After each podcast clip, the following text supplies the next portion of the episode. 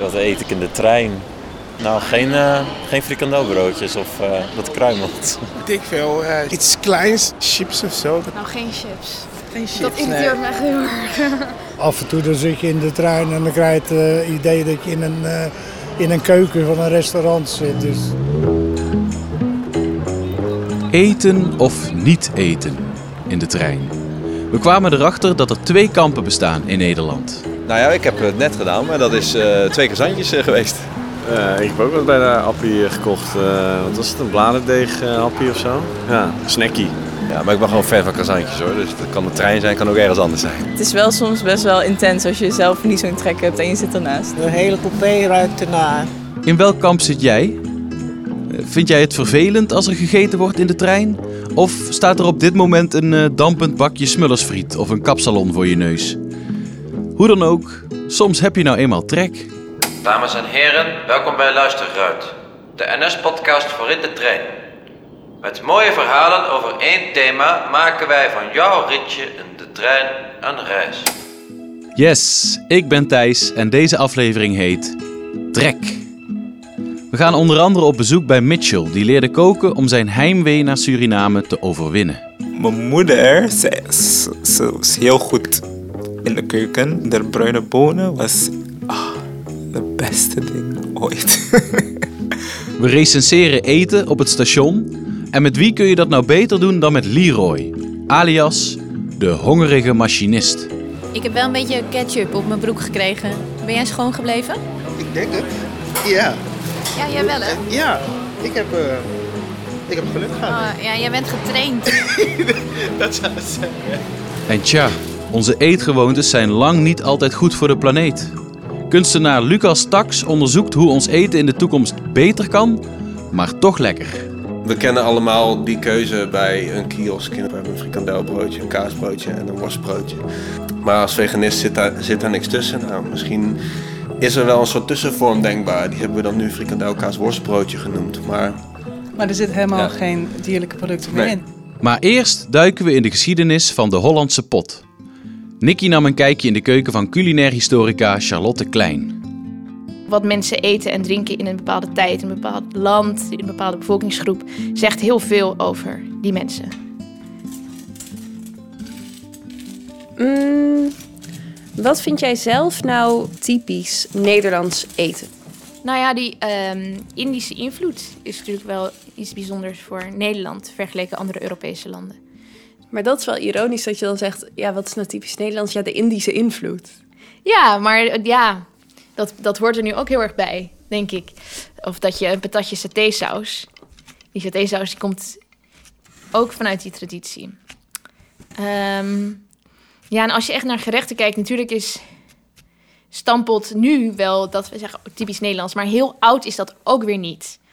Nee? Um, als je denkt aan de jaren 50 en daarvoor, dan was de aardappel dat iedereen at heel veel aardappels en weinig anders.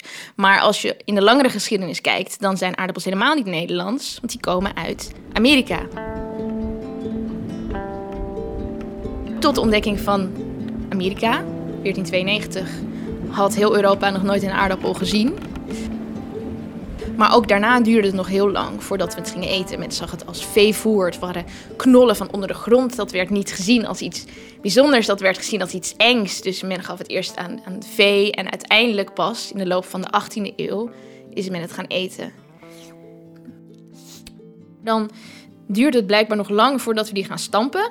In ieder geval zijn die eerste bewijzen daarvoor eind 19e eeuw.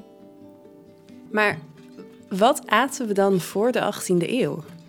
Nou, dan is de eerste vraag, wie waren we? Was jij een, een boer op het platteland of was jij uh, dochter van een uh, rijke koopman in Amsterdam? Dat maakt heel veel uit. Als je arm was, dan at je wat er was. Je had geen fornuis thuis. Je had een uh, open haard, je had een vuur en daar hing je een ketel boven. En in die ketel gooide je wat je die dag had. Of wat er misschien nog in zat van de dag ervoor. Die ketel ging nooit helemaal leeg. Um, dus dat werd heel lekker, want dan gaan die smaken lekker intrekken. Nou, eh, daar zaten dus wat erwten in, maar ook waarschijnlijk wel groenten. Want de meeste mensen hadden wel een moestuintje. Dat maakt het lastig voor historisch onderzoek. Er werd niet opgeschreven wat er werd ingekocht. Maar goed, wat knollen erin, misschien een stukje spek als je dat had.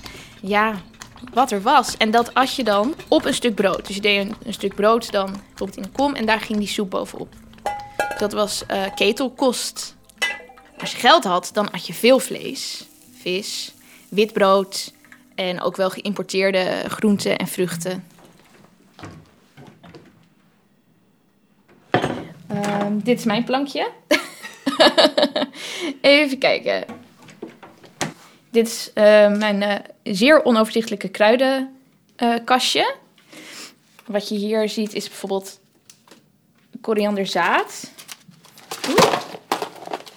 Ik heb voor mijn boek hier een siroop van gemaakt. Dat is een recept uit, eh, moet ik nou uit mijn hoofd zeggen, 18e eeuw. En dat moest je eh, korianderzaad met suiker malen en daar een siroop van maken. En dat was het. En het is echt heel erg lekker. En dat is dus uit de Nederlands kookboek al uit de 18e eeuw. Dat zou je niet verwachten, denk ik. Hè? Want koriander denken oh ja, ottolenghi, en dan moet je daar dingen mee doen. Maar dat hadden we dus hier ook al heel lang. Net als ehm rozenwater en oranjebloesemwater. En eh, als iets nieuw is, dan, dan vindt eerst de elite het heel spannend. Het is duur en dan kunnen zij zich daarmee onderscheiden. Dan wordt het gebruikelijker. Misschien wel omdat er meer handel in komt, omdat mensen er geld in zien. En dan eh, kunnen meer mensen het kopen. Dan denkt de elite, nou, ik heb het alweer gezien. Dit is niet bijzonder meer, ik ga iets anders zoeken. Ja, eh, trends komen en gaan en komen soms weer terug.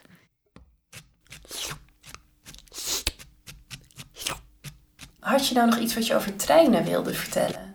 Nou, er is de laatste tijd veel geschreven over eten in eh, treinen, hi- historisch eh, gezien. Ehm, en ik heb hier net toevallig drie boeken daarover staan. Ehm, en het leuke was dat die eerste treinreizen ehm, waren niet erg comfortabel. Hè, er, waren nog, er was geen verwarming, ehm, er waren geen wc's en er was ook geen eten. Dus ehm, men ging dan onderweg stoppen om wat te eten. En ik heb het nu vooral over bijvoorbeeld Amerika en Engeland. Want over Nederland weet ik dat allemaal niet zo goed hoe dat zat. Dan had je 10 minuten om even op het perron bij de nou, restauratie wat kopen. En eh, er zijn allemaal verslagen van mensen die dan één hapje hete soep net naar binnen en dan moeten ze alweer naar de trein. Dus dat was allemaal niet ideaal.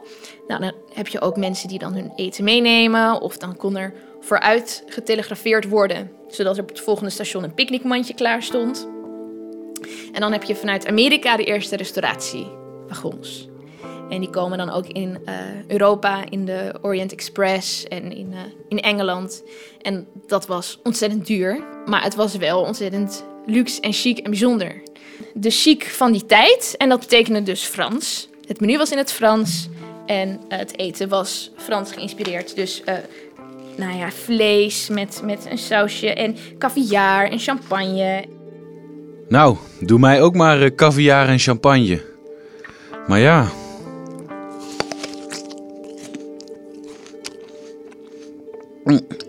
Ken jij het begrip misofonie?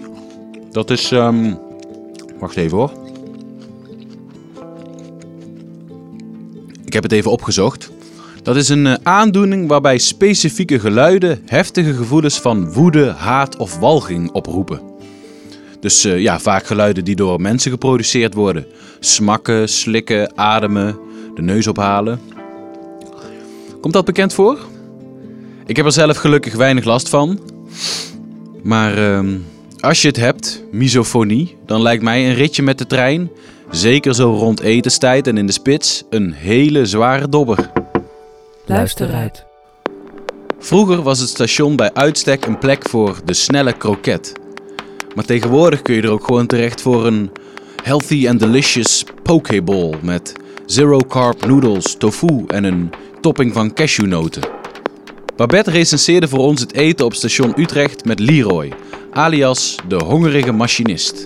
Heb jij al gegeten vandaag? Ik heb nog helemaal niks gegeten. Ik ben er helemaal klaar voor. Ik, eh, ik zit echt te popelen om wat te proeven. Dit is Leroy Weber.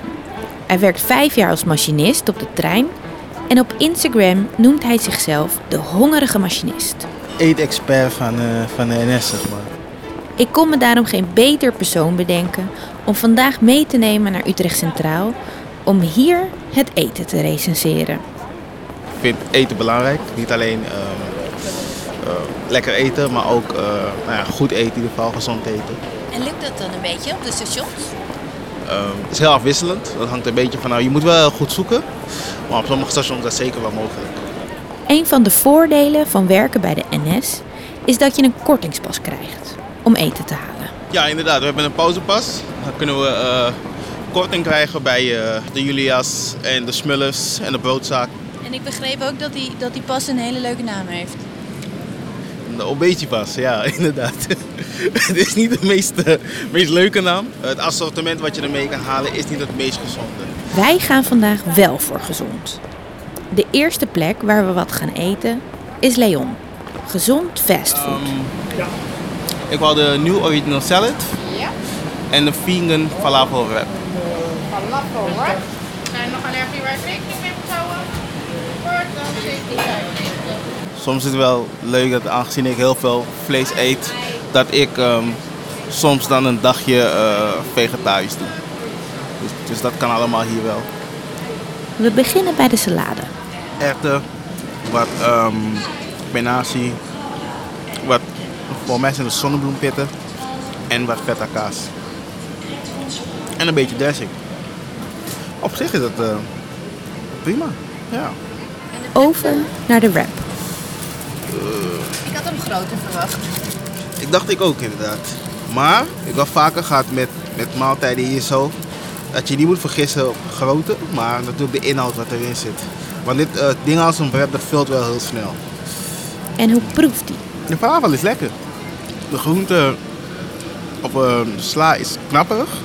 Maar ik heb het gevoel dat er ehm, niet zo heel veel saus op zit. Wat hebben we hiervoor betaald? Zo'n wrap alleen is 5, 75.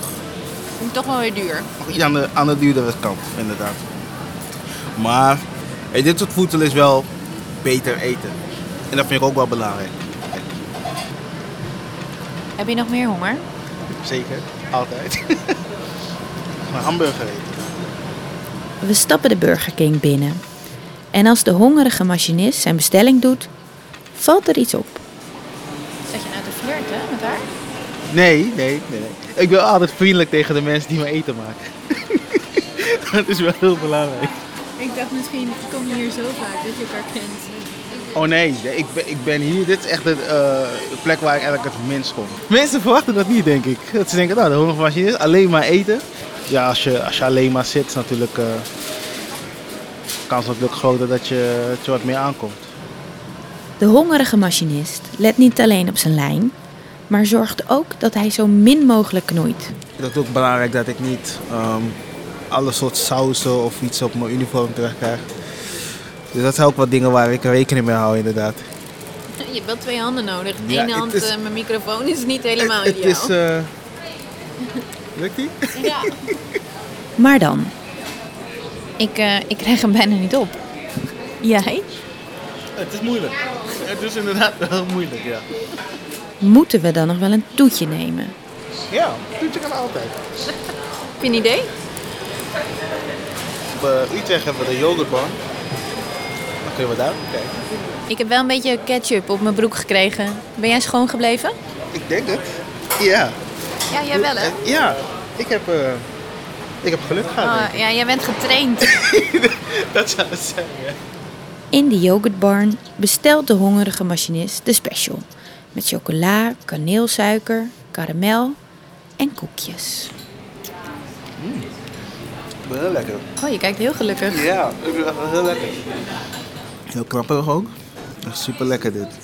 Meestal als ik dan ergens nog nooit geweest ben, ja, dan probeer ik dus te vragen aan de mensen zelf van wat adviseer je me. Dat je in ieder geval wel een duidelijk beeld hebt van wat zij de mensen eigenlijk willen laten ervaren. En dit is in ieder geval wel heel goed gelukt. Ik vond dit een hele goede dag. Ik ook. Ik hoef vanavond niet meer te eten, denk ik. Jij? Nee, nee, ik denk dat dit eh, dat is mijn maaltijd is geweest voor twee dagen. ja.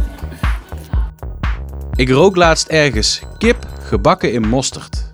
En ik zat meteen weer bij mijn oma aan tafel. Ja, eten is veel meer dan alleen eten. Het is cultuur, familietradities. Door samen te koken kun je elkaar leren kennen, dichter bij elkaar komen en met eten kun je zelfs je heimwee overwinnen. Lotte sprak Mitchell, die voor zijn studie van Suriname naar Nederland verhuisde. Ja, het is een soort lang ding. Het is wit. Van beneden, lang? Prei. Prei. ja, prei heb ik nooit gemaakt. Maar het was, ik dacht, oh, het is goedkoop. Het is groente. ik had geen idee hoe ik het moest maken. Ik heb het gesneden, ik heb het gesneden en ja, ik, ik maakte het gewoon hoe, hoe je normaal Surinaamse groenten eh, maakte. En ja, prei. Eh, ja, ik vond het niet zo'n lekkere... Nee, ik vind het niet zo'n lekkere groente. ik ben twee jaar hier ehm, vanwege mijn studie. In het begin was het, ja, het was exciting, want alles is nieuw. Het weer, de mensen, ehm, de transities van seizoenen. Alles lijkt zo dood en daarna zie je leven weer komen in het, in het, in het natuur. En, eh, ja, en de mensen worden ook veel meer opgepept. maar het was wel een paar ook depressieve momenten van oh, ik wil weer naar Suriname, heimwee. Als ik aan Surinaams eten denk, denk ik bruine bonen. Mijn moeder, ze, ze, ze is heel goed in de keuken. I just love her food. De bruine bonen was ah, de beste ding ooit. Echt haar signature dish. Mijn moeder maakt het altijd met heel veel vlees, verschillende soorten vlees, kip en of um, varkensvlees of rund. Wanneer je uh, je breakfast gaat halen, je, ontbijt, um, zie ik mijn moeder al bereiden. Ze snijdt uien, knoflook, um, tomaten, dan ruik je het. Soms ga je ook, wanneer ze bezig is, dan ga je ook naast haar staan om te kijken, oké, hoe ver is het, hoe ziet het eruit, hoe ruikt het? Dan zei je, mag ik een beetje proeven?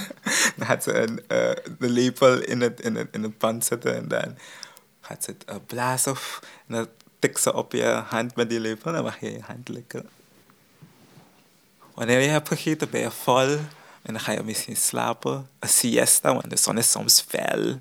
En uh, heb je niet echt veel energie om iets te doen. Dus dan ga je liggen totdat de zon een beetje is gezakt. Word je weer wakker en dan gaat de dag door.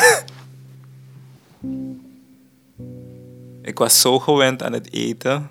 Een goede portie op tafel en dan uh, eten totdat je buik vol werd en daarna ga je slapen. uh, maar nu, nu is het uh, all up to me om die gevoel weer te krijgen. En het is, nu voel ik echt van, oké, wat mijn moeder echt deed. Van, het huis opruimen en daarna koken. Want ze hield ook ervan om in een schone ruimte te, te koken. En nu dat ik dat ook doe, voel ik echt van, oké, goed plannen. Je moet uh, vroeg gaan slapen, dat je goed kan opstaan en daarna alles ready kan zetten. Mijn moeder is een hard, hard werkende vrouw.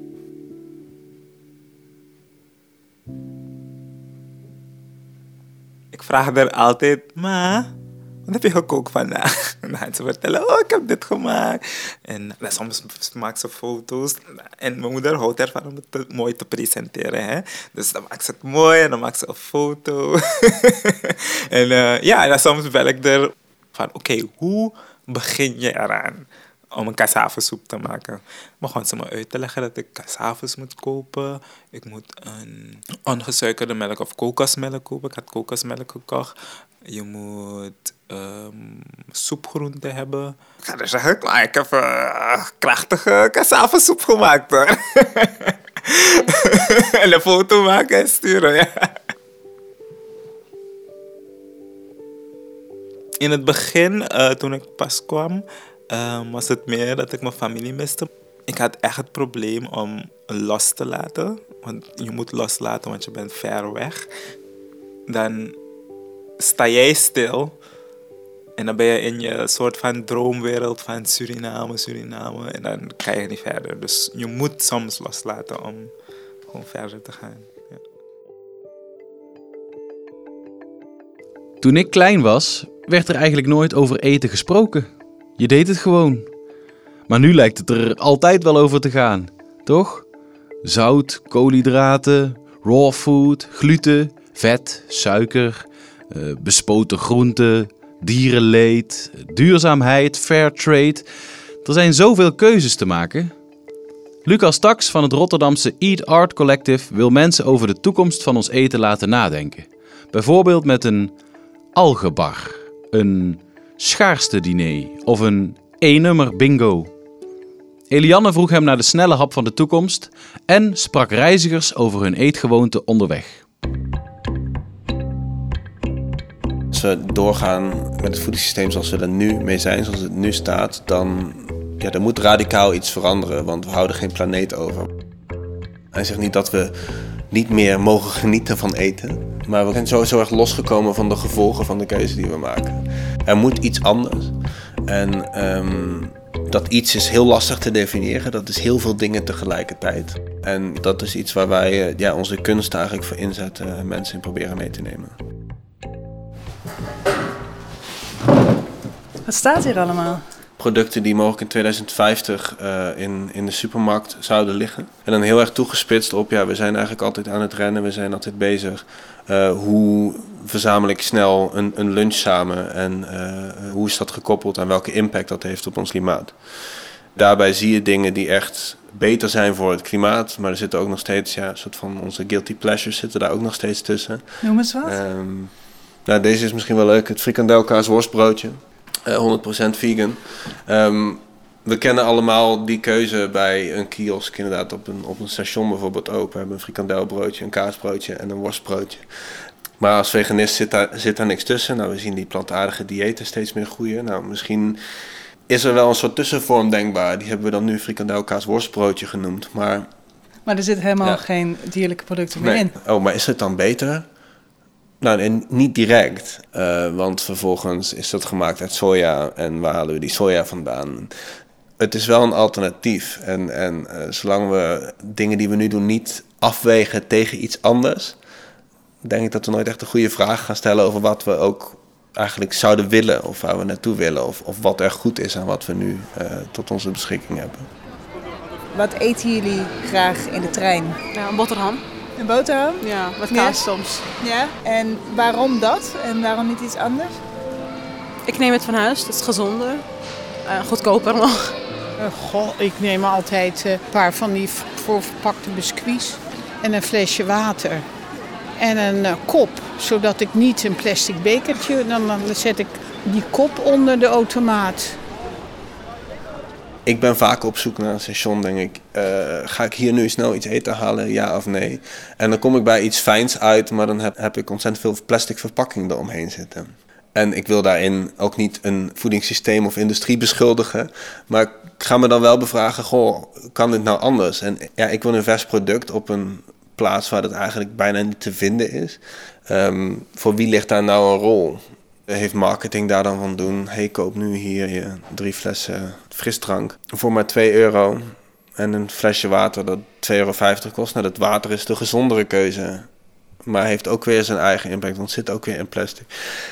Ja, er zitten allerlei kanten zijn dingen te bevragen. En zelf kunnen we daarin meedoen. En dat is het vooral ding. Het is niet dat wij het moeten doen als consument. Of als dat een, een supermarkt uh, een boeman is, omdat hij het op een bepaalde manier aanbiedt. Of dat de industrie die er dan achter zweeft, dat dat dan zo'n kwaadaardige kracht is waar we niet tegen opgewassen zijn. Nee, wij pleiten heel erg voor, we moeten iets ontdekken waarin we dat allemaal weer samen kunnen doen. Waar verheug je je nou echt op uh, uit deze supermarkt van de toekomst? Um, ja, walvis sushi vind ik fantastisch. Dat lijkt me dus echt wel eentje die de moeite waard is om te onderzoeken. Dat speelt heel erg in op de trend van het kweekvlees. Met kweekvlees kunnen we zonder eigenlijk het dier nodig te hebben uh, uh, vlees produceren. En kunnen we dus ook weer dieren eten die bedreigd zijn. Of uh, ja, op die manier zouden we weer walvis kunnen eten. Um, dit is een gekookt legbatterij-eitje um, met een UNESCO-stempel. In 2050 zijn eigenlijk de legbatterijkip die is afgeschaft. En eigenlijk staat hij dus ook op uitsterven. Uh, daarom is de, de, laatste legbatterij van Nederland in 2041 op de UNESCO-lijst van Werelderfgoed gekomen. En goed, die eieren vinden we dan misschien nog steeds terug in, eh, in onze supermarkt. Uh, smullers vind ik wel lekker. Ja. Om in de trein te eten? Ja, ja zeker. Brood is gezond, zeg maar. Dat ook. Dat lijkt me ook wel leuk. En, en wat is nou echt niet geschikt voor in de trein? Uh, pizza. Ja, of rijst of zo, zeg maar. Gewoon die makkelijke dingen zijn wel, is wel makkelijker, zeg maar. Maar rijst niet? Nee. En patat vind ik soms ook lastig, maar soms kan het ook vallen. Andere producten, een broodje pulled guinea pig, cavia's, hamsters zijn ontzettend geschikt om in kleine ruimtes op reststromen van voedsel uh, te kweken, op te kweken. En zijn ontzettend goed uh, verteerbaar voor ons als mensen.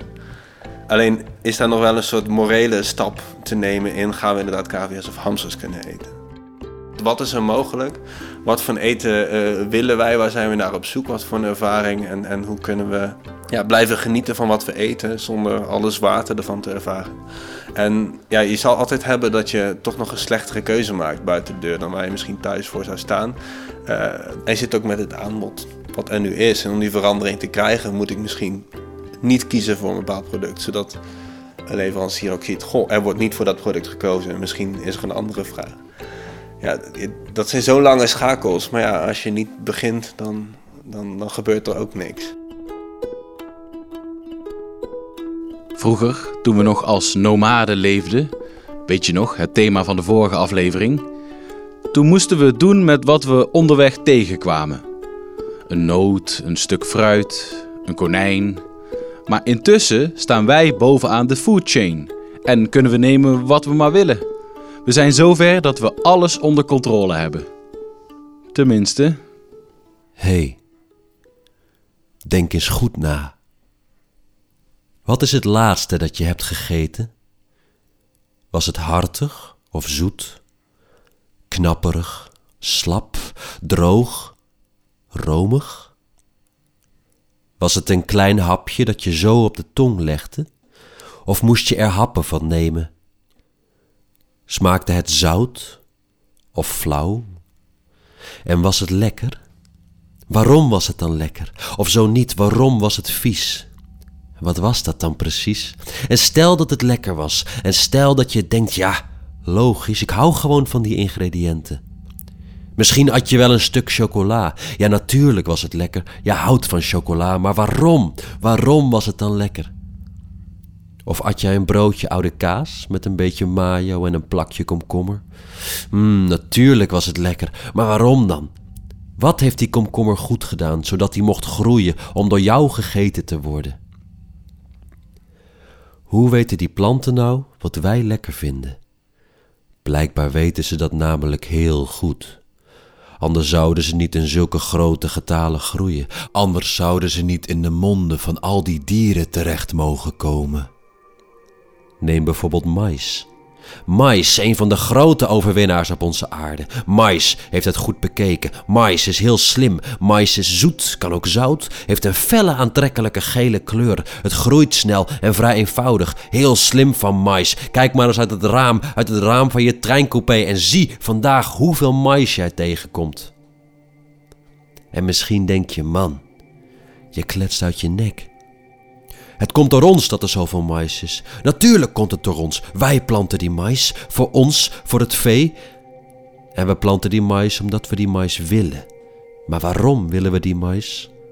Omdat die mais heel goed weet wat wij willen.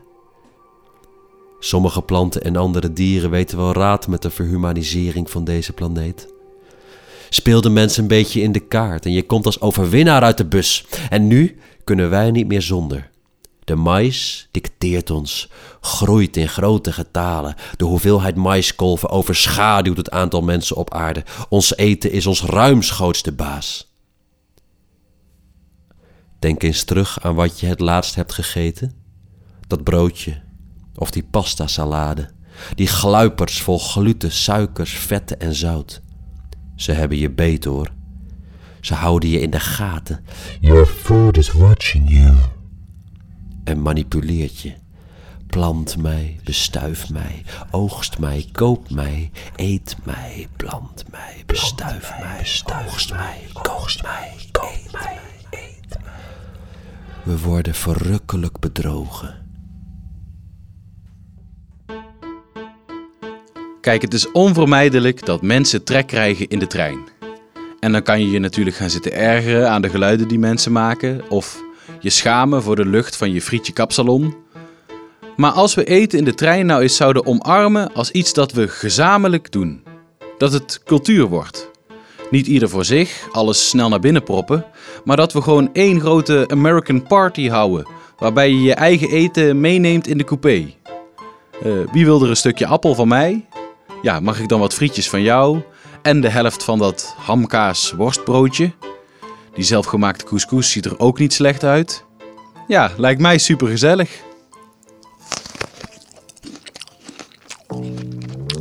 Dit was Luisteruit, een podcast van NS. Leuk dat je luisterde. Nieuwe afleveringen verschijnen iedere eerste maandag van de maand. De volgende gaat over de eerste klas. Wat vind jij eigenlijk van het bestaan van de eerste klas? Of heb je er wel eens iets geks beleefd? Ik hoor graag je verhaal. Mail me thijs.luisteruit.nl Je kunt je abonneren op deze podcast via Stitcher, Spotify of iTunes. En mocht je deze podcast nou mooi vinden, laat dan vooral een rating achter. Dan kunnen we nog meer mensen bereiken. Tot de volgende!